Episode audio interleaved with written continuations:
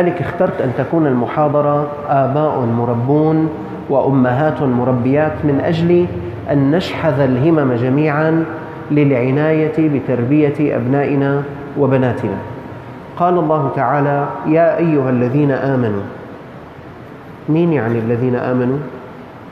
يعني أنتم والياء أداة نداء والله عم بينادي عليكم شو لازم تقولوا له؟ لبيك اللهم لبيك. أنت بتحب بأنك إذا قلت يا الله أن يلبيك. طيب هلا هو عم بيقول لك يا أيها الذين آمنوا متوقع أن تقول له لبيك يا رب حاضر أنا بالخدمة على رأسي أمرني. يا أيها الذين آمنوا قوا أنفسكم وأهليكم نارا وقودها الناس والحجارة. عليها ملائكة غلاظ شداد لا يعصون الله ما أمرهم ويفعلون ما يؤمرون. قوا فعل أمر. أصل الكلمة وقى يقي قي. فعل الأمر من وقى بينكتب حرف القاف وعليه كسرة قي. الله عز وجل يخاطبنا مجتمعين يا أيها الذين آمنوا قوا فعل أمر. الآمر هو الله عز وجل. والمأمور هو أنتم. والعلماء قالوا كل أمر في القرآن الكريم يقتضي الوجوب. أنتم يا إخوان ليش صليتوا المغرب؟ لأن الله عز وجل قال لكم أقيموا الصلاة أقيموا فعل أمر لذلك كلكم جئتم إلى صلاة المغرب. لماذا صمتم في رمضان؟ لأن الله عز وجل قال لكم كتب عليكم الصيام فرض عليكم الصيام فأنتم صمتم. لماذا تذهبون إلى الحج؟ ولله على الناس حج البيت. يجب على الناس أن يحجوا البيت. الآن رب العالمين يقول لكم قوا أنفسكم وأهليكم نارا. معناتها يا إخوان كل واحد بدير باله على أولاده كل واحد بدير باله على بناته كل أم بتدير بالها على البيت كل أم بتدير بالها على الزوج كل زوجة بتدير بالها على زوجها كل أم بتدير بالها على أبناء وبناتها. هذه امتثلت أمر الله عز وجل قوا أنفسكم وأهليكم. كل أب بدير باله على أولاده. كل أب بيعتني بأبنائه وبناته تربية. هذا أب التزم بقول الله تعالى قوا أنفسكم وأهليكم. كل أب بالعكس كل أب بيطلع من بيته الساعة 8 الصبح بيرجع الساعة 10 بالليل. لا بيعرف أولاده درسوا لما ما درسوا. ذهبوا إلى المسجد أو لم يذهبوا. تعلموا شيئا من الدين أو لم يتعلموا. تمثلوا بالأخلاق الحسنة أم لم يتخلقوا. كل أب بيطلع 8 الصبح من بيته بيرجع 11 بالليل ما بيعرف شو عم بيصير بالبيت. هذا أب لم يستجب لقول الله تعالى قوا أنفسكم وأهليكم نار كل زوجة بتحرد ببيت أهلها وبتقعد كل أربع خمسة أشهر مع بعضهم البعض وبتترك الأولاد عند أبوهم وما بيهمها شو يفعلون هؤلاء الأولاد في غيبتها. هذه الزوجة لم تستجب لقول الله تعالى قوا أنفسكم وأهليكم نارا. قال سيدنا علي رضي الله تعالى عنه قوا أنفسكم بأفعالكم. كيف تقي نفسك النار؟ بأفعالك بانضباط بترك الحرام بإتقان الفرائض بأداء النوافل. قوا أنفسكم بأفعالكم. وقوا أهليكم بوصيتكم. علموهم وأدبوهم. يا إخوان كم واحد بيناتكم سامحوني؟ قعد مع كل ابن من أبنائه ولقنه جزء عمه أو نصف جزء عمه أو ربع جزء عمه أو سورة ياسين أو سورة البقرة. أو سورة الحجرات. كم واحد بيناتنا مسك المصحف وجاب ابنه قال له بابا يلا عود. أنا حبقرأ وأنت أقرأ وراي. يلا حبيبي. وبيبدأ الأب بيقرأ آية والولد بيقرأ آية، الأب بيقرأ آية والولد بيقرأ آية، هيك إلى أن يخلص جزء عمه. سامحني إذا أنت ما فعلت. نحن بالجامع ممكن نساعدك بس أنت الأصل. بكرة ابنك حيقول الله يرحم ابي.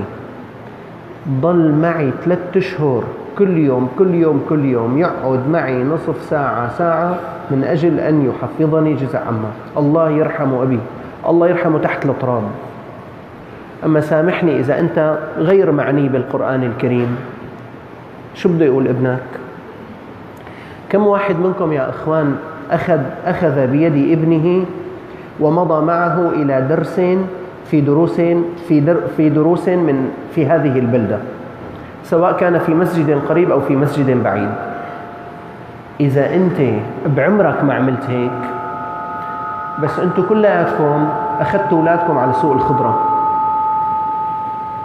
وعلمتوهم كيف ينقوا البندورة وأنتم كلياتكم ربما أخذتوا أولادكم إلى المدرسة وسجلتموهم في المدارس. وأنتم كلياتكم أخذتوا أولادكم لعند الطبيب. بس المتوقع كلياتنا ناخذ بأيدي أولادنا إلى مجالس العلم. حتى ابنك بكرة بعد عمر طويل يقول الله يرحم أبي. هو من جاء بي إلى هذا الدرس وصلي بحضر بهذا الدرس عشرين سنة.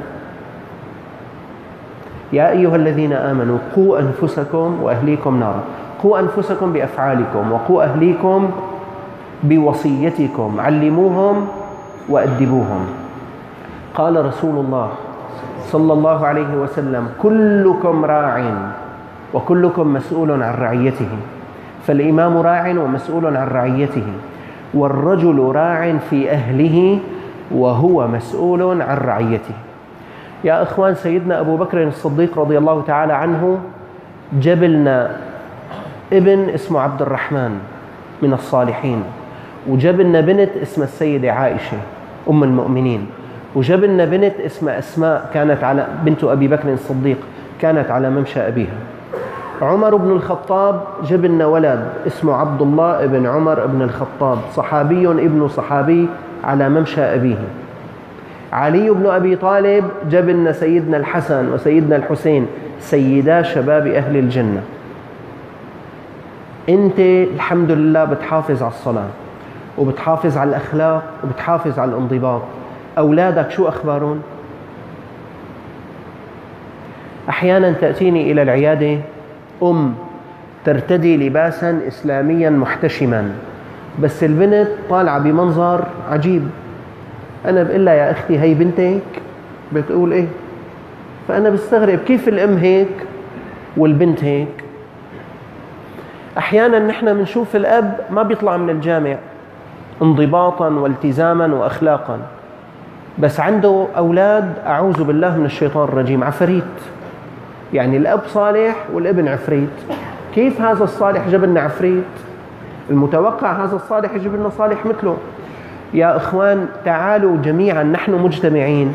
نعطي مساحة من وقتنا لأبنائنا ومن أجل هذا كانت هذه المحاضرة آباء مربون وأمهات مربيات. خاصة ونحن قد دخل إلى بيوتنا وإلى جيوبنا ما يعكر علينا صفاء تربيتنا. أنا الآن سأعرض عليكم سير مجموعة أمهات. يسمح بها الوقت. كنا أمهات مربيات صنعنا المجد عندما صنعنا أولادهن. وحب أعرض عليكم سير رجال صنعوا الخير عندما صنعوا أبنائهم من أجل أن يتحفز كل واحد فينا أن يسعى مع أولاده أن يمشوا في هذه التربية. لنحمي أنفسنا ونحمي أسرنا ونحمي بلدنا ونحمي ديننا ونلقى الله عز وجل بما قال النبي صلى الله عليه وسلم إذا مات ابن آدم انقطع عمله إلا من ثلاث ولد صالح يدعو له. أمهات مربيات أول أم أعرضها عليكم أم سليم بنت ملحان. مين بيعرف من هذه الصحابية الكريمة؟ كلكم تعرفوها. أم سليم بنت ملحان. أمه لمين بتكون؟ سيدنا أنس بن مالك. أنس بن مالك خادم رسول الله صلى الله عليه وسلم. أمه اسمها أم سليم بنت ملحان. هي أم سيدنا أنس بن مالك رضي الله عنه. وهي صاحبة أعظم مهر في الإسلام. جاء خطبها أبو طلحة الأنصاري فقالت له كان يومها مشركا. خطبها هي مسلمة. قالت له إنك رجل مشرك وأنا مسلمة ولا يحل لي أن أتزوج بك. إذا أردت أن تتزوج بي أريد أن يكون مهري إسلامك أو إسلامك. فأسلم أبو طلحة الأنصاري صاحبة أعظم مهر في الإسلام وتزوجها من بعد وحسن إسلامه كانت تغزو مع رسول الله صلى الله عليه وسلم وروت عنه أحاديث وروى عنها سيدنا أنس بن مالك ابنها.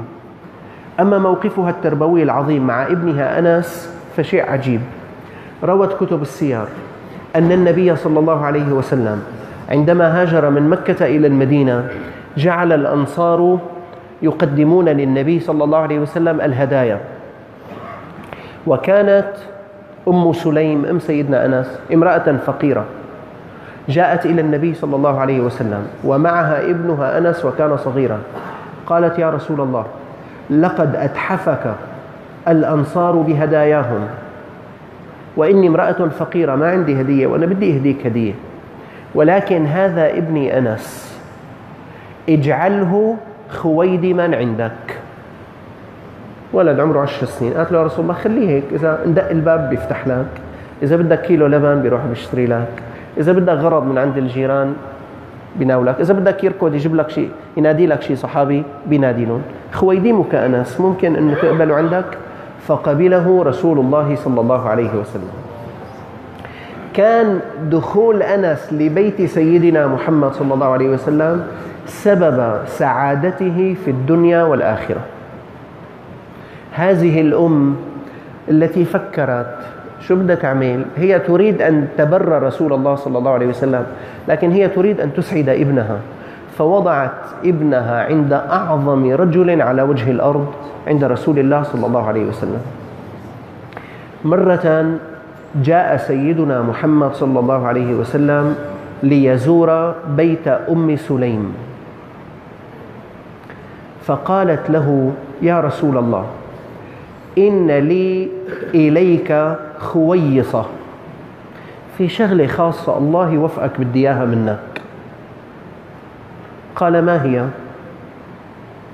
قالت يا رسول الله خادمك أنس ادعو الله له نصيحة يا أمهات نصيحة يا آباء فكروا كيف تسعدون أبنائكم في الدنيا والآخرة؟ قالت له يا رسول الله في شغلة خاصة كثير. قال له نعم. قالت له خادمك أنس ادعي له الله يوفقك ادعي له. فدعا له النبي صلى الله عليه وسلم. تقول الرواية فما ترك لي خير دنيا ولا آخرة إلا دعا لي به. صلى الله عليه وسلم. قال اللهم ارزقه مالا وولدا وبارك له. فكان أن استجاب الله تعالى دعوة رسول الله صلى الله عليه وسلم في سيدنا أنس. فصار أنس فيما بعد من أكثر الأنصار مالا قال كان عند سيدنا أنس أرض فيها شجر. كان شجر الناس يحمل في العام مرة وشجر أنس يحمل في العام مرتين. وكان عنده ريحان قال يخرج منه رائحة المسك. اللهم بارك له في ماله. اللهم ارزقه مالا وولدا. يقول سيدنا أنس وقد عمر يقول إن لي مئة من الولد والولد الولد. عنده مية بين أبناء وأحفاد. وبارك له وسيدنا أنس بن مالك هو آخر الصحابة موتا بالبصرة. مات سنة 92 للهجرة. لكن هي ستنا أم سليم استفادت من لحظة تاريخية. تسعد ابنها فتسعدها. قالت يا رسول الله ادعو الله تعالى لخادمك أنس. ومن تربيتها لابنها ما خرجه مسلم بإسناده عن أنس رضي الله تعالى عنه قال أتى علي رسول الله صلى الله عليه وسلم وأنا ألعب مع الغلمان. قال فسلم علينا فبعثني إلى حاجة. فأبطأت على أمي. فلما جئت قالت ما حبسك؟ قلت بعثني رسول الله صلى الله عليه وسلم لحاجة. قالت لي أمي ما حاجته؟ قلت إنها سر. أنا ما بحكي النبي صلى الله عليه وسلم بعثني شغلة خاصة ما بحكي لأمه. فقالت لا تحدثن بسر رسول الله صلى الله عليه وسلم أحدا. قال سيدنا أنس لتلميذه ثابت البناني والله لو حدثت به أحدا لحدثتك يا ثابت. ما حكى هذا السر لأحد سيدنا أنس بن مالك. شاهد يا أخوات أن أم ابن أنس بن مالك راحت تفكر كيف يسعد الله تعالى ابنها فوجدت أنها إذا جعلته خادما جعلته مجالسا جعلته قريبا من سيدنا محمد صلى الله عليه وسلم سيسعد. وطلبت من رسول الله صلى الله عليه وسلم أن يدعو له. فنصيحة يا أمهات كل واحدة بيناتكم تفكر ابنها لوين تبعته بالصيفية؟ على المسبح؟ عشان بيصير سبيح منيح؟ على كرة القدم خلي تخلص من عفرته أحسن ما يعفرت بهالبيت. تنزله على المحل عند أبوه خلي يفعي وش أبوه أحسن ما يفعي وشها ولا تبعته على شيء جامع. تبعته على شيء دورة يتعلم لغة إنجليزية؟ لما تلحقه بشي دورة من دورات القرآن الكريم فكري واعلمي أن المكان الذي سترسلين له ولدك سيكون سببا في تحديد مصيره. ما في حرج أن يذهب ابني للعمل مع أبيه. ما في حرج أن يذهب ابني ليتعلم لغة إنجليزية. ما في حرج أن يذهب ابني ليلعب الرياضة. بس ما ممكن أنا أترك ابني تفوته الصيف أو الشتاء من دون ما يحضر بالمجال بالمساجد. بس يا إخوان سامحوني نحن مرات في المسجد بنسأل الطالب بنقول له أنت ليش ما أجيت امبارح الدورة؟ قال عندي دورة لغة إنجليزي. حبيبي ليش بس هلأ في دورة؟ يعني عندنا دورة قرآن ليش سجلك؟ قال أبي سجلني بهالوقت. من دق لأبوه أخي ليش سجلته؟ نحن الدورة من الساعة 9 للساعة 1 مثلا. سجلوا بعض العصر سجلوا بعض قال والله لأ كثير مهم ابني بدي يتعلم لغة إنجليزية. خير إن شاء الله. الله ييسر لك. بس غدا ستدفع ثمن أنك دربت ابنك على أن اللغة الإنجليزية أهم من القرآن الكريم. بس يكبر ابنك لا تقول له بابا احفظ قرآن. ما أنت دربته عمليا أنه الإنجليزي أحسن من القرآن. القرآن شو بده يستفيد؟ ما بيستفيد. أما الإنجليزي بيستفيد منه. وأعجب منه يلي بيبعته بيسجله بدورة كرة قدم. ولما بتتعارض دورة كرة قدم مع دورة القرآن بيقول له بابا روح على كرة القدم. شو عمل هذا الأب وشو عملت هي الأم؟ كل خطب الشيوخ ذهبت أرضا. كل الخطب التي تقول إن القرآن أعظم كتاب في الدنيا ذهبت. في العقل الباطن للولد لا كرة القدم أهم. أنا بزماناته أبي تركني القرآن وبعثني لكرة القدم. معناتها أهم.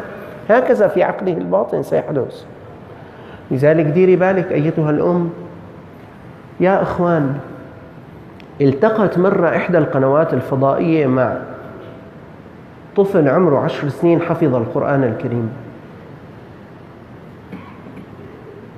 هو من أرياف مصر.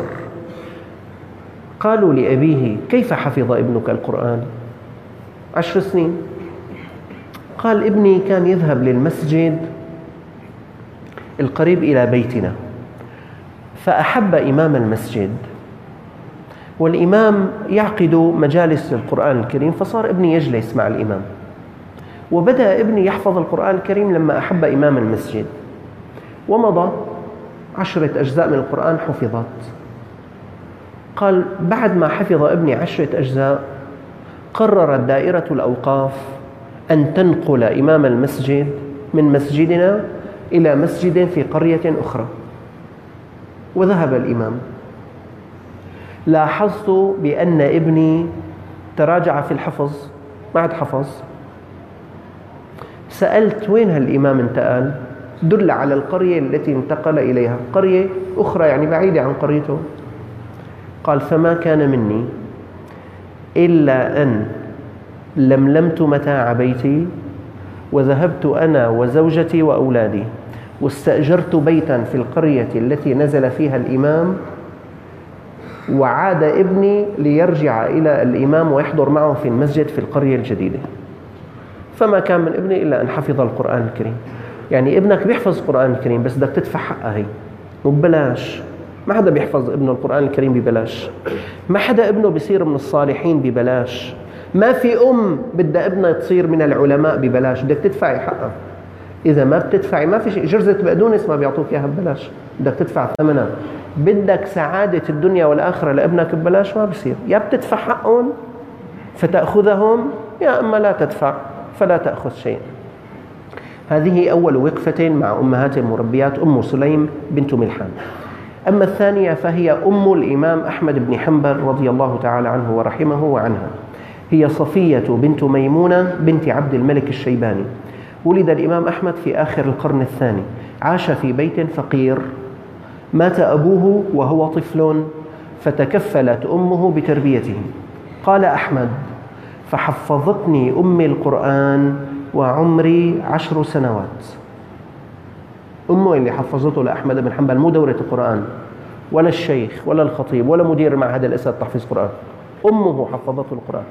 قال حفظتني أمي القرآن وعمري عشر سنوات. كانت أمي توقظني وتلبسني اللباس وتحمي لي الماء قبل صلاة الفجر وأنا ابن عشر سنوات. وكانت تتخمر وتتغطى بحجابها وتذهب معي إلى المسجد لأنه بعيد.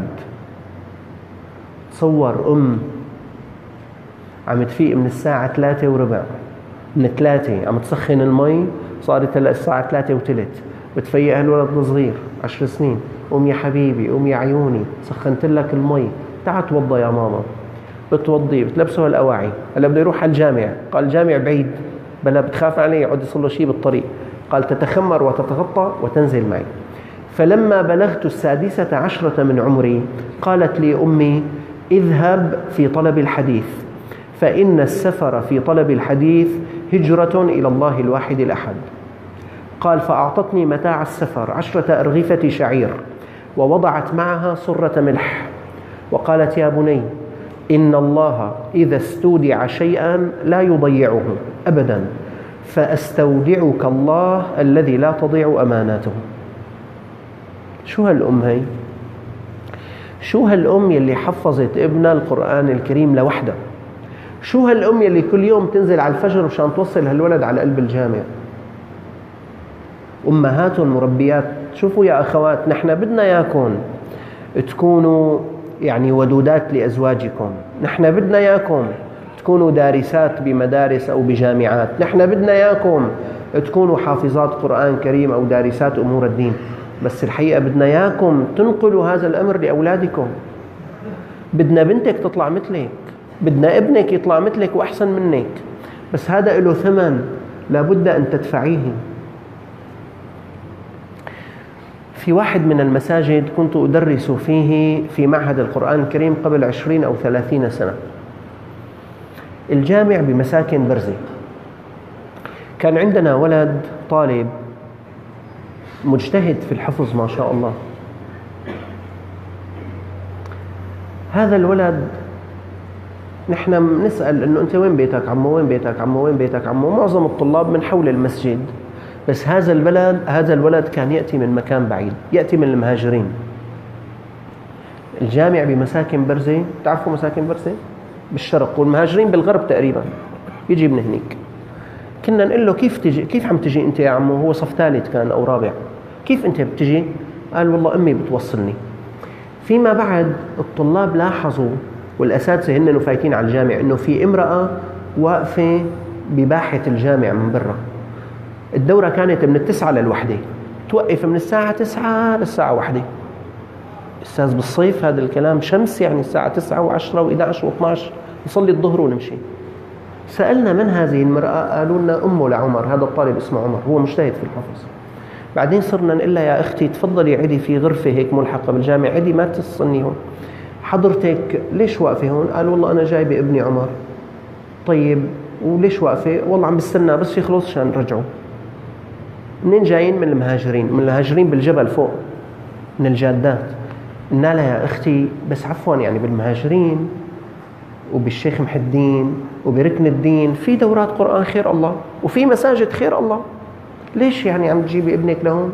لو استقربتي هني قال صحيح بس ابني بعثناه في أول مرة إلى هذا المسجد فأحب الأستاذ عنده فعلق قلبه به فأنا ما بريد غير له يعني أستاذه. خليه حابب الأستاذ بحب القرآن. والله يا أخوان إني لأذكر كل يوم كل يوم كل يوم المرأة الكريمة تقف هيك على هالباب من التسعة للوحدة من التسعة للوحدة من التسعة للوحدة بتاخده وتروح. فيما بعد عمر صار بصف السادس حفظ القرآن الكريم كاملا. بس أمه دافع حقه هذا الحفظ ببركة والدته راحت الأيام. أنا من شي خمس ست أشهر كنت بالمهاجرين في أخ كان كتب كتابه العقد تبعه فكنت هيك في جادات المهاجرين. فأنا وجالس بالمجلس حكيت لهم هالقصة. قلت لهم والله كان من 20 30 سنة عندنا طالب هيك هيك هيك بيته بالمهاجرين بالجادات اسمه عمر والله يجزيه الخير والدته حفظ القرآن الكريم وكذا. فصاحب البيت قال لي إيه أستاذ هذا جارنا ساكن بالطابق اللي فوقنا. قلت له الله أكبر. قال لي والآن صار طبيبا. يا أخوات لما الأم تدفع ثمن تربية أبنائها الله عز وجل يسعدها ويسعد أبنائها بها.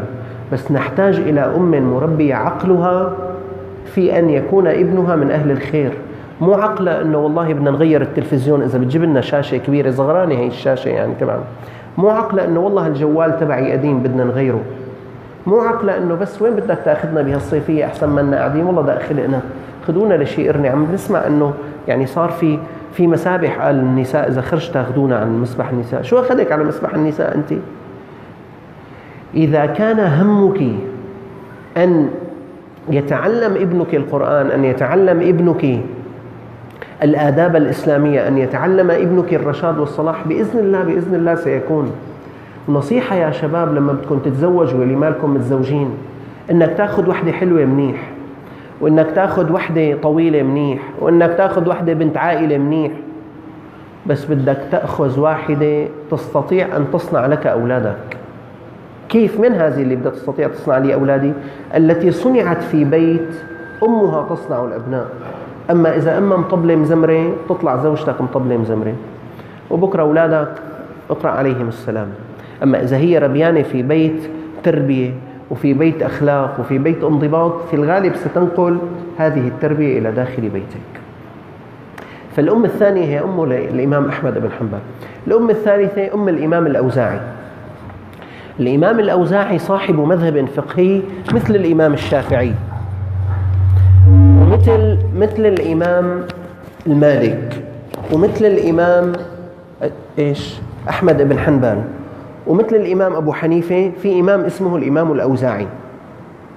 لكن الإمام الأوزاعي ما هيئ له تلامذة كتلامذة الشافعي ومالك وأحمد وأبي حنيفة لينشروا مذهبه. على أن أهل دمشق وما حولها بقوا قريب من 200 سنة يتبعون مذهب الإمام الأوزاعي. قالوا عن الإمام الأوزاعي إنه نشأ يتيما في حجر أمه. ما له أب الأوزاعي لا في أب يصرف مثل العالم ولا في أب يعتني بالأولاد ولا في أب يساعد هذه الأم. قالوا عن الإمام الأوزاعي نشأ يتيما في حجر أمه. ربته شوفوا هالكلمات هلا. ربته أمه تربية تعجز الملوك أن تربي أولاده مثل تربيته كان المتعين على كل من جالس الأوزاعية أن يكتب كل كلمة يقولها. إذا أنت بتقعد مع الإمام الأوزاعي لازم تكتب كل كلمة. ما بيحكي إلا كلام قيم. بالمناسبة أنتم شايف ما عم تكتبوا شيء بنو؟ تحفظوه كله عن غيب فورا تحفظوه اكتبوا إذا جيتوا حضرتوا درس لا تجوا هيك تتفرجوا. تعالوا اكتبوا وروح احكي هذا الكلام لغيرك. اكتب على الجوال يا أخي. احفظ لك شو عم تصور. ماشي الحال نفذت على كل الأحوال. الإمام الأوزاعي تربية أمه. صار فيما بعد إمام مذهب فقهي كبير.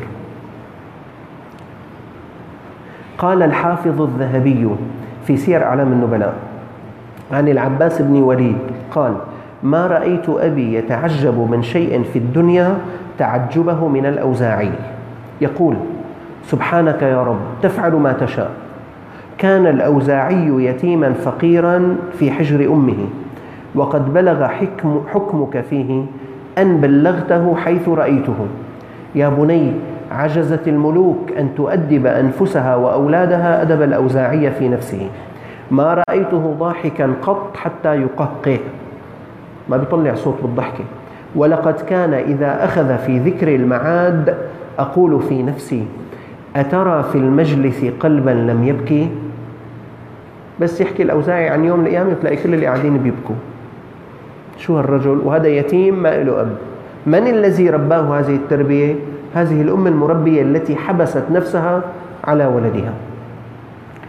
قال كانت والدة الإمام الأوزاعي من صغره تعلمه الأدب وترسله إلى العلماء وتتابع عباداته وأوراده. ربما دخلت عليه تتفقده في صلاة الليل فوجدت موضع مصلاه رطبا من دموعه في الليل. كانت تشوف إنه ابني عم يصلي قيام الليل لما ما عم بيصلي عشان إذا ما عم بيصلي تفيقه. صح هي بتهتم إنه بياكل وبيشرب والحمد لله صحته منيحة بس كمان بتهتم عم بيصلي ابني قيام ليل قال ربما دخلت عليه فشاهدت وسادته مبللة من دموعه. بين قوسين نصيحة يا أخوان. لا تتركوا قيام الليل ولو ركعتين فإن قيام الليل شرف المؤمن. وقد قال الصالحون إنما الواردات من الأوراد. لما بيصير لك أوراد مع الله عز وجل في ليلك أو في نهارك يأتيك الله تعالى بالأوراد. والله يا أخوان أحد أخواننا في المسجد قال لي إن الله تعالى توفى والدته 35 قبل 35 سنة. قال لي وأمي ملكة جمال. كان عمرها خاطبون فما أرادت أن تتزوج قالت بتخاف يعني إذا جاء الزوج الجديد ما يعني ما يهتم بها الأولاد أو يطلب إليها ألا تهتم بهم. قال لي أمي ما رضيت فعكفت على تربيتنا. قال لي الله أكرمنا نحن الخمسة الله وفقنا في دراساتنا في أعمالنا. هذه اللي عم بيحاكيني تاجر. قال لي نحن بفضل الله الله أكرمنا بالصلاح والرشاد وفتح علينا حتى في المال. قال لي صرنا لما نعمل نجيب زكاة مالنا نعطيه لأمي. وأمي تروح هي توزعه. قال لي ماتت أمي. اجتمعت أنا وإخواتي. قلت لهم يا شباب يا أولاد بتعرفوا أمكم مين لمين كانت تعطي من العائلات؟ تعرف يا فلان؟ قال ما بعرف. تعرف يا فلان؟ ما بعرف. عينت لك شيء أمك؟ قال ما بعرف. قال لي أكلنا هم إنه أمي تكون عم تعطي عائلات مستورة ومسكر عليها الأبواب. نحن هلأ ما بنعرف هذه العائلات كيف بدنا نوصل لها. قال لي ضلينا كذا يوم مهمومين نريد أن نعرف هذه العائلات ما عرفنا.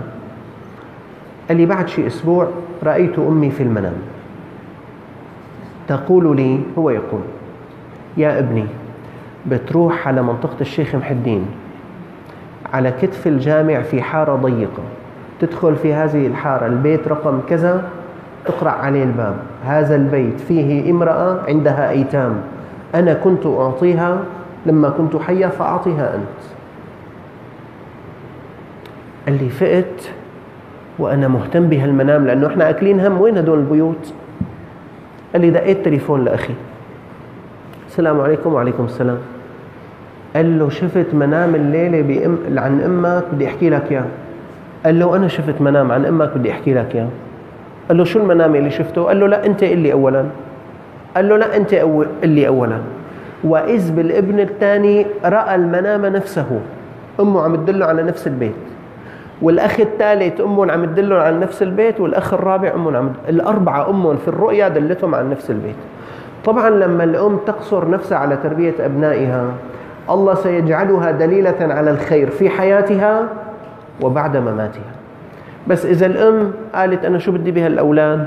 وشو بدي أعذب حالي ووجع قلبي بهالأولاد؟ والله أعلم ما حيطلع فيهم خير مثلهم مثل أبوهم. وعمرهم إن شاء الله ما يتربوا. وخاطركم مع السلامة خير إن شاء الله. أنت من حقك أن تفعلي هذا.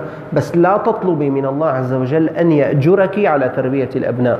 أصلا أنت ما أردت أن تربي أولادك ولا أردت أن يكون أبناؤك أصلا من أهل الصلاح وإنما أردت أن تحققي رغباتك. فالأم الثالثة كانت أم الإمام الأوزاعي. آخر أم أم الإمام البخاري. تعرفوا الإمام البخاري؟ صاحب أعظم كتاب في الدنيا بعد القرآن الكريم. أصح كتاب في الدنيا بعد القرآن الكريم إنما هو صحيح البخاري. البخاري يا أخوان من وفاة 256 للهجرة. كتابه ما في خطيب جمعة.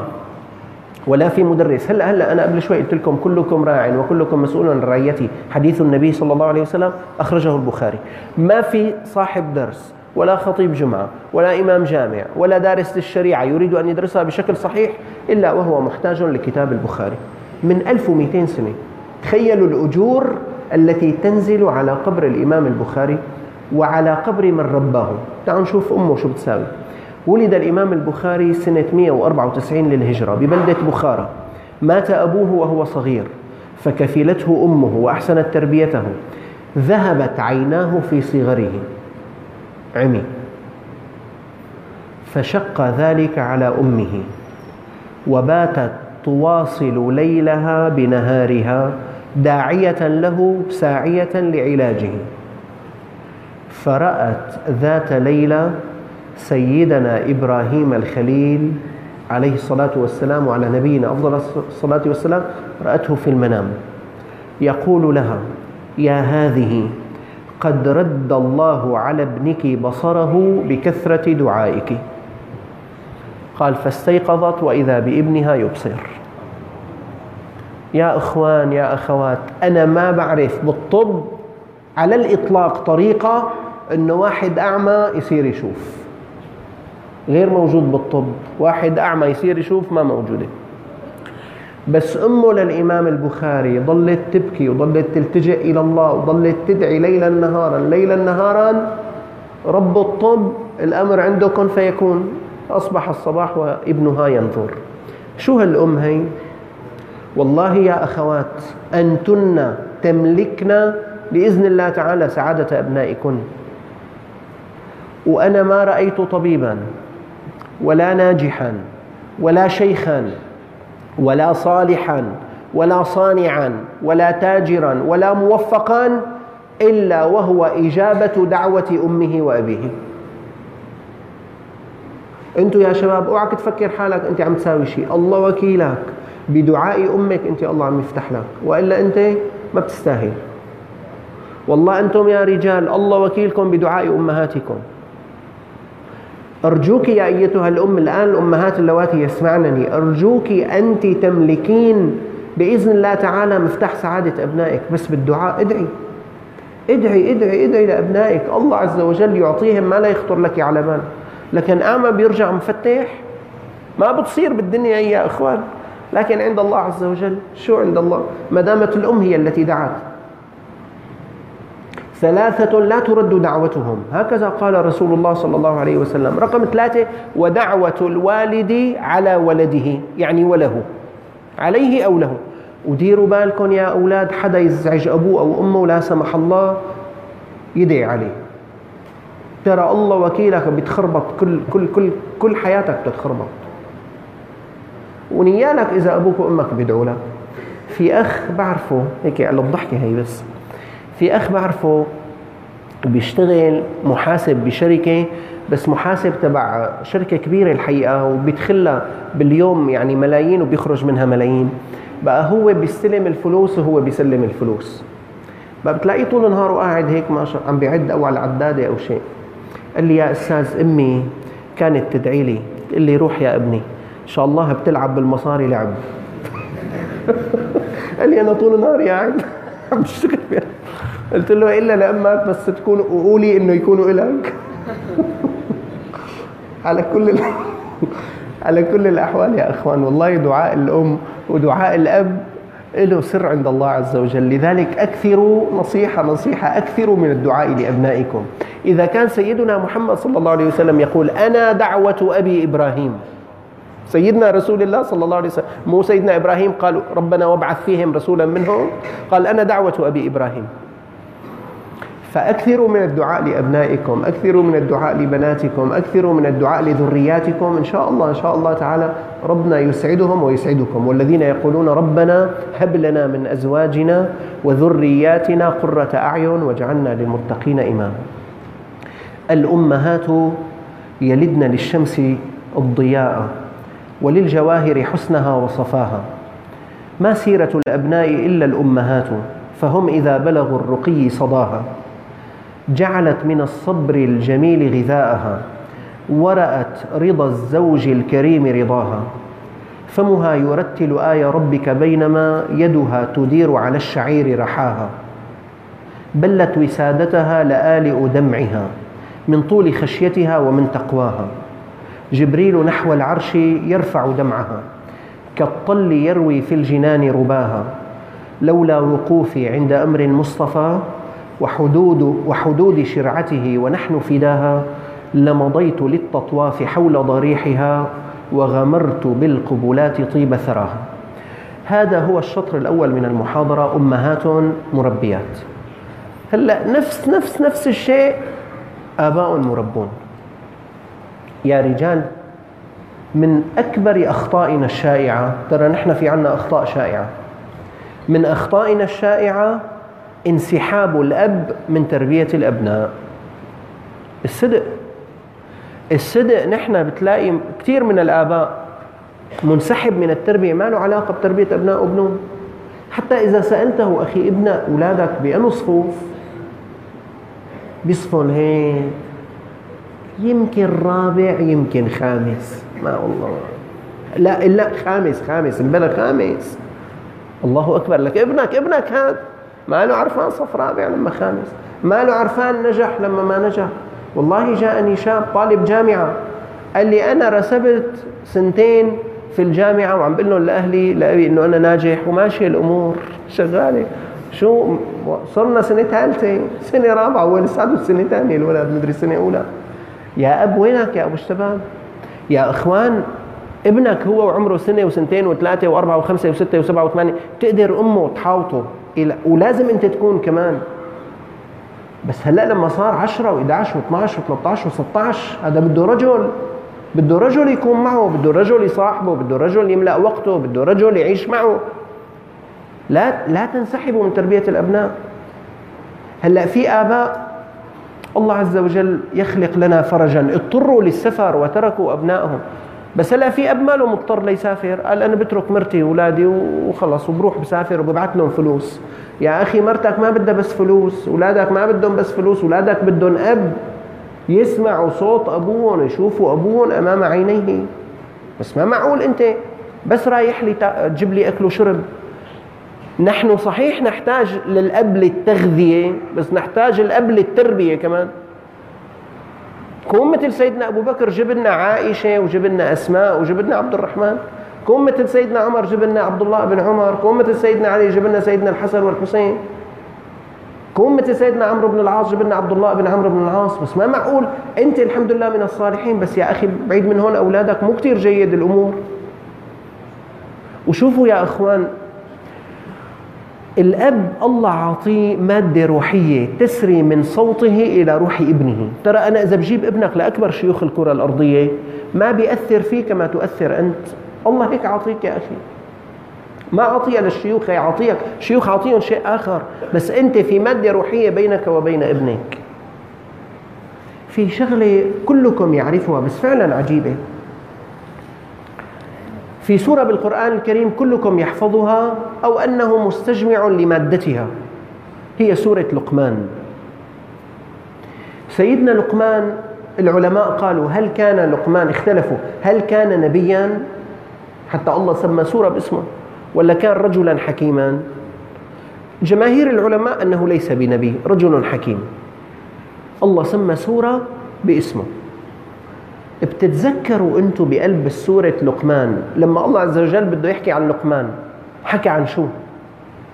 تذكروا هلا كلياتكم يا حافظها يا مستجمع شوفي بقلب سورة لقمان يعني لأنه سمعنا كذا مرة الله بده يمدح سيدنا لقمان في القرآن الكريم عن شو حكى؟ هل حكى عن صلاة سيدنا لقمان إنه بيصلي كثير؟ لا هل حكى عن صدقات سيدنا لقمان إنه باني جامع كبير بالعالم؟ لا هل حكى أنه لقمان كان كفلان كذا يتيم؟ لا هل حكى أنه لقمان كان حافظ القرآن الكريم؟ لا هل تكلم القرآن أن لقمان عليه السلام كان يصوم كثيرا؟ لا لكن شو حكى القرآن؟ وإذ قال لقمان لابنه وهو يعظه يا بني لا تشرك بالله إن الشرك لظلم عظيم الصفحة كلياتها يا بني يا بني يا بني أنتم ما بتعرفوا وأنا لا أعلم عن سيدنا لقمان إلا إنه أب يربي ابنه. لما صار لقمان أبا يربي ابنه صار جديرا أن يكون اسمه عنوان سورة في القرآن الكريم. بتحب اسمك يصير عنوان سورة في القرآن الكريم؟ بتحب يصير لك رتبة عالية عند الله في الدنيا والآخرة؟ إيه. ربي أبنائك يا رجل. إذا بتربي أبنائك إذا بتبذل وقت لأبنائك الله وكيلك الله بيرفع شأنك في الدنيا والآخرة. وسامحوني يا شباب يا رجال يلي ما بي ما بيلتفت لتربية أبنائه الله وكيلك أنت مأزور ومحاسب في الدنيا وفي الآخرة. ماشي الحال. أخي أنت بذلت جهدك بس ابنك ما استجاب بس ابذل جهدك. سيدنا نوح ابنه ما استجاب بس سيدنا نوح بذل جهده. بس مو معقول انت ما تبذل جهدك. يا رجل ابنك على الجوال تبعه في صور يستحي منها كل شريف. شو؟ قال بالله والله ما بعرف والله ما بعرف. شو عرفت انت أستاذ؟ إيه أنا عرفت لأنه تابعته لابنك. ام إيه؟ يا رجل ابنك عم يدخل على مواقع غير جيدة من البيت من عندكم من البيت. قال بالله والله بتعرف يا أستاذ أنا صاير فيني برجع تعبان الله وكيلك بروح على هالفرشه هيك بنام بفيق الصبح إن شاء الله ما تفيق كمان. شو أعمل لك؟ يا رجل معقول ابنك عم يدخل على مواقع فاضحة وفاحشة من قلب بيتك وأنت ما حدا لحدا؟ يا رجل ابنك عم يحكي مع فتاة غريبة لا تحل له كيف؟ قال بالله هيك عم يحكي؟ آه والله ماشي الحال بدي فرجي لك لا تفرجي يا أخي بس روح تابع أولادك. يا رجل ابنك عم يأذي أخته ضارب أخته ضربة حيخربط له وشها. قال ما, ما عندي علم. فاصلينه من المدرسة ابنك ثلاثة أيام. قال والله ما دريت سامحوني يا آباء سامحوني الله وكيلك أنت مسؤول. الله عز وجل قال وقفوهم إنهم مسؤولون. بكرة بدك تنسأل لأنه الله عز وجل لك عز وجل بده يقول لك يا عبدي أنا قلت لك قوا أنفسكم وأهليكم نارا. أنت قلت لي مالي سائل ومالي فاضي وما عندي وقت. أرجوكم يا اباء أعطونا شوي من وقتكم لبيوتكم. هلا بدي أختم المحاضرة إنه أنا إذا بدي أصير أب مربي لما أم مربي يعني شو ساوي؟ هلا حبقول لك بالاخير بس ما مع أنا بريدك أقل شيء أعطينا شيئا من وقتك. أقل شيء أعطيني ساعة كل يوم. ساعة ساعة يا أخي عود ببيتك. عود عود أنت وهالولاد شو بدكم احكوا؟ بس عود ساعة خلي يشوفوا أبوهم معهم. أبوهم عم بيتابع أبوهم عم يسأل. أما لا تترك كل الحمل على هذه المرأة. كمان هذه الزوجة يعني إيش بدها تحمل؟ لتحمل. هي تحمل شيئا وأنت احمل أشياء. أباء مربون. طيب. أول من أحدثكم عنه وهو أب مرب. وتعالوا نشوف مين كان فاضي أكثر هو لما أنتم ومين كان مشغول؟ هو أنتم لما هو؟ هو سيدنا محمد صلى الله عليه وسلم. مين كان يا إخوان؟ مين مشغول أكثر أنت لما رسول الله صلى الله عليه وسلم. مين عنده التزامات أكثر أنت لما سيدنا محمد صلى الله عليه وسلم. تعال نشوف سيدنا محمد صلى الله عليه وسلم وهو حامل هم الدنيا هم الأمة هم البلاد هم العباد هم إخراج الناس من الظلمات إلى النور بإذن ربهم. تعال نشوف كيف بيعمل مع أولاده. عن أنس بن مالك رضي الله تعالى عنه أن رسول الله صلى الله عليه وسلم كان يمر بباب فاطمة ستة أشهر إذا خرج إلى صلاة الفجر يقول الصلاة يا أهل البيت إنما يريد الله ليذهب, ليذهب عنكم الرجس أهل البيت ويطهركم تطهيرا. ستنا فاطمة لما تزوجت سيدنا علي عندهم بيت. النبي صلى الله عليه وسلم كل يوم كل يوم كل يوم ستة أشهر هو طالع على صلاة الفجر يحول هيك لبيت سيدنا علي. دق عليهم الباب. الصلاة يا أهل البيت إنما يريد الله ليذهب عنكم الرجس أهل البيت ويطهركم تطهيرا. ويروح على الجامع. رد ثاني يوم. الصلاة يا أهل البيت. رد ثالث يوم. الصلاة يا ست شهور. قديش كم يوم هدول يعني؟ 180 يوم. يعني النبي صلى الله عليه وسلم هلأ فاضي لهالشغلة وفاضي يمر لعند أولاده وهلأ بنته صلت الصبح لما بعدين بتصلي الصبح. صهر وصلى لما بعدين بيصلي. لكن لكن بدك ابنك يصلي من مرة واحدة من خمس مرات من 17 مرة. يا حذركم يا سيدي اللي بيعرف له هدية. شو بدنا نهدي؟ ألف ليرة سوري عند هالمساء يلي بيعرف بيناتكم كم مرة سيدنا محمد صلى الله عليه وسلم بيعرفوها؟ لا لا ماشي من الشيخ معلش معلش. ما حياخذوها ما حيعرفوها. ضمنانا. يا حزركم كم مرة سيدنا محمد صلى الله عليه وسلم دعا أمته للصلاة. يعني كم مرة قال لكم وقال لنا وقال لأمته ولأصحابه ولأولاده ولأخ قال لهم صلوا صلوا صلوا صلوا. إما نظريا حكاهم أمرهم بالصلاة وصار يحكي لهم فوائد الصلاة وفضائل الصلاة وعقوبة تارك الصلاة أو عمليا يعني صار يصلي قدامهم. كم مرة؟ سؤال كم مرة دعا رسول الله صلى الله عليه وسلم أصحابه للصلاة؟ يلي بيعرف ياخذ ألف ورقة سوري. قول يا أستاذ. لا لا بدي خلص هو دعاهم في حياته صلى الله عليه وسلم. كم مرة؟ كم حديث يعني؟ كم حديث يتكلم عن الصلاة؟ نظريا إما نظريا؟ يعني مثلا بني الإسلام على خمس فيها وإقام الصلاة. هذا حديث. مثلا صلوا كما رأيتموني أصلي. هذا حديث. مثلا الصلاة نور الصلاة معراج المؤمن. هذا حديث. وفي مرات صلى بنا رسول الله صلى الله عليه وسلم. هذا عملي. كم حديث نظري وعملي النبي صلى الله عليه وسلم دعا أصحابه للصلاة. يلا. يلي بيعرف ياخذ ألف ورقة. لا بينعدوا. هو عم بيقول الأستاذ ما بينعدوا. أنا عديت. شو حبيبي؟ 24 لا أكثر. يلي بيعرف ياخذ 5000 قول حبيبي. 5000 مرة. لا أكثر. النبي صلى الله عليه وسلم دعا أمته للصلاة ستين ألف مرة وتسعمية وكسور. أنا جبت الأحاديث أول ما طلع أنظمة الكمبيوتر وبرامج الكمبيوتر تبع الحديث طلع برنامج اسمه برنامج صخر. فيه الكتب التسعة البخاري ومسلم أبو داود الترمذي النسائي ابن ماجه موطأ مالك مسند أحمد بن حنبل ومسند الدارمي. طلبت جزر صلى. قام طلع معي عدد النتائج يا شباب ستين ألف مرة وتسعمية وكسور. لكن أنتم فكركم هلأ عم تصلوا كلكم هيك مجتمعين على المغرب لأنه النبي صلى الله عليه وسلم خمس مرات قال لكم صلوا؟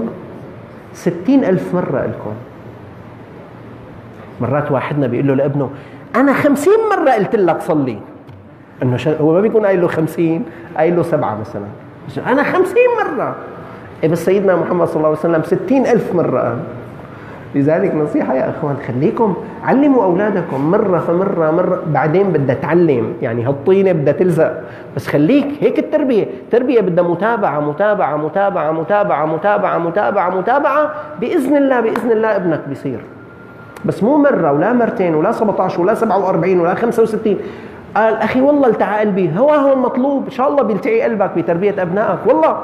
إذا ما التعى قلبك ما بيصيروا أولادك. بدك تضلك. يلا يلا يلا يلا. لكن يا أخوان لكن ليش أهل الباطل يا رجل ما عم يسكتوا أهل الباطل. يا إخوان يا أخوات في أقنية فضائية تنشر الفاحشة 24 ساعة بتضل عم تبث ما بيملوا. بينشروا السوء 24 ساعة ما بيكلوا. بيعيدوا نفس القصة من السوء والفحش والرذيلة ما بيكلوا لا بيمل. ينبغي عليكم أنتم أهل الحق لا تكلوا كمان ولا تملوا. سيدنا النبي صلى الله عليه وسلم بروح رسول الله صلى الله عليه وسلم ست اشهر كل يوم كل يوم كل يوم. الصلاة يا أهل البيت الصلاة يا أهل البيت الصلاة يا أهل البيت. طيب. يأخذ الحسن بن علي تمرة من تمر الصدقة. سيدنا الحسن بن علي مات رسول الله صلى الله عليه وسلم وسيدنا الحسن عمره أربع خمس سنين.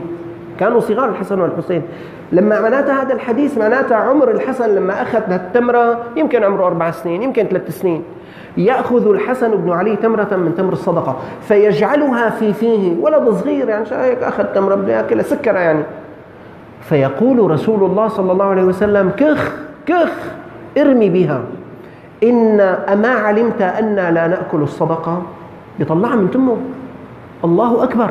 رسول الله صلى الله عليه وسلم فاضي يتابع ابنه على على على التمرة اللي حطها بتمه؟ يا رجل ابنك عم يجيب بالشنتاية محايات وبرايات وإقلام شو؟ قال والله فتح الولد الله أكبر. لك شو فتح؟ لك شو فتح؟ هدول محايات مو تبع ابنك. قال هو هيك بيحب يجمع من الصف تبعه. وأنا أعلم وأنتم تعلمون أمهات كريمات بتتابع ابنها كل يوم رجع من المدرسة في محاي بتقول له ماما هي المحاي مين؟ بيسكت الولد ما بيعرف.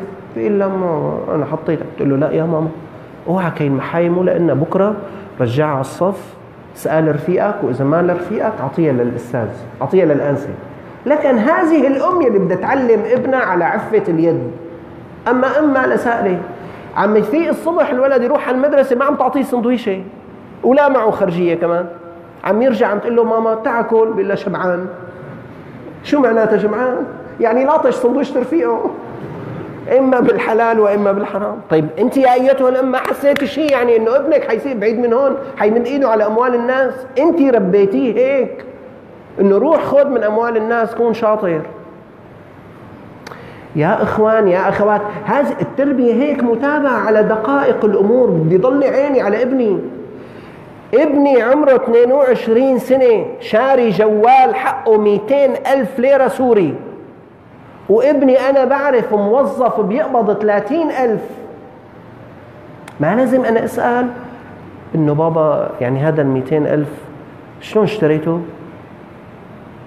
قال لا والله ما بسأله أنا ما بحب ابني بيدبر حاله كيف ابنك بيدبر حاله؟ معناته ابنك عم يأكل رشوة ابنك عم يأكل حرام أنت حطيته بوظيفة ابنك عم يرتشي من هالمراجعين لكن منين جاب ال 200 ألف واشترى جوال؟ أنا الأب لازم تابع أنا الأب لازم أعرف. ابني عم يطلع يا رجل كل سيران بيروح لي إياه بيدفع لي هذيك الحسبة. أنا ما بقدر روحه. كيف عم بيروح ابني؟ قال والله شاب بأول عمره وهيك مركز حاله. يا إخوان التربية هي متابعة لدقائق الأمور. سيدنا محمد صلى الله عليه وسلم بيتابع الحسن ابن سيدنا العلي على تمره حطب تمه وهو ولد عمره ثلاث أربع سنين. مين حافظ بيناتكم؟ دعاء القنوت. كلكم حافظينه. تبع الفجر. اللهم اهدنا فيمن هديت وعافني فيمن عافيت. احذروا هذا الحديث. كل المسلمين ها كلهم بلا استثناء يدعون به. عدد المسلمين بالعالم مليار ونصف المليار. المليار كم صفر؟ تسعة صفر. مليار ونصف المليار يدعون دعاء القنوت. اللهم اهدني فيمن هديت وعافني فيمن عافيت. إما بصلاة الفجر وإما بصلاة الوتر. الذي روى لنا دعاء القنوت عن النبي صلى الله عليه وسلم صحابي واحد. تعرفوا شو اسمه؟ سيدنا الحسن ابن علي. سيدنا الحسن هو الذي روى لنا حديث دعاء القنوت. ما حد روى من الصحابة غيره. باللفظ الذي تحفظون أنتم. مات رسول الله صلى الله عليه وسلم وسيدنا الحسن عمره أربع خمس سنين. شو معناتها؟ معناتها النبي صلى الله عليه وسلم مقعد ولد عمره ثلاث سنين. وعم بيقول له قول حبيبي يلا عمو قول اللهم اللهم اهدني اهدني في من هديت في من وعافني في من عافيت وتولى. كم مرة عاد له يا النبي صلى الله عليه وسلم؟ هي التربية يا أخوان. بدي أحط ابني ويلا يلا يلا يلا يلا يلا. حتى ابني يحفظ أحاديث. أحسن ما يحفظ, يحفظ لي أغاني. قال مرات بيجي ضيف هيك لعند ضيف بيجي ضيف بيقول له بيقعد هيك بالضيف بينده هذا صاحب البيت لابنه. تعا سعيد تعا تعا. غني له لعمه غني له. بيغني له يقبرني إن شاء الله. شو شو يعني أنت شو علمت لي ابنك قال عم بيغني ابني والله عم بيغني والله أغاني بتطير العقل. هلا هيك هي التربية. بكرة ابنك ابنك بيطلع مغنواتي بيقول أبي من أنا وصغير كان يا يعني يسمع الناس أنا شو بغني. بكرة بيكبر ابنك الناس كلها بيقولوا هذا بزماناته كان يغني للناس. بيصير هيك. يا رجل رسول الله صلى الله عليه وسلم عم يقعد مع هالولد الصغير عم بيعلمه حديث القنوت. فيما بعد هذا الحديث وهذا الدعاء علم لكل المسلمين. بس بده وقت. أنا بحاجة أنا الأب المربي. أخي مالي فاضي. طيب سيدنا محمد صلى الله عليه وسلم كان فاضي؟ معقول؟ بدي أنا بدي منك ساعة ساعة بس. يا اباء يا اباء بدي منكم بس ساعة تقعدوا بالبيت مع أولادكم. شو بدك أحكي أنت وياهم؟ بدك تقري قرآن قري. بدك تحكي قصة يلي صارت معك اليوم منيح. بدك تسمع من أولادك شو صار معهم منيح. بدك تسمع من مرتك شو صار بقلب النهار منيح. بس عد لي ساعة بالبيت. خذوا عطي أنت أولادك بدون جوال وبدون تلفزيون وبدون محطات فضائية. بدنا نحكي هيك مع بعضنا البعض.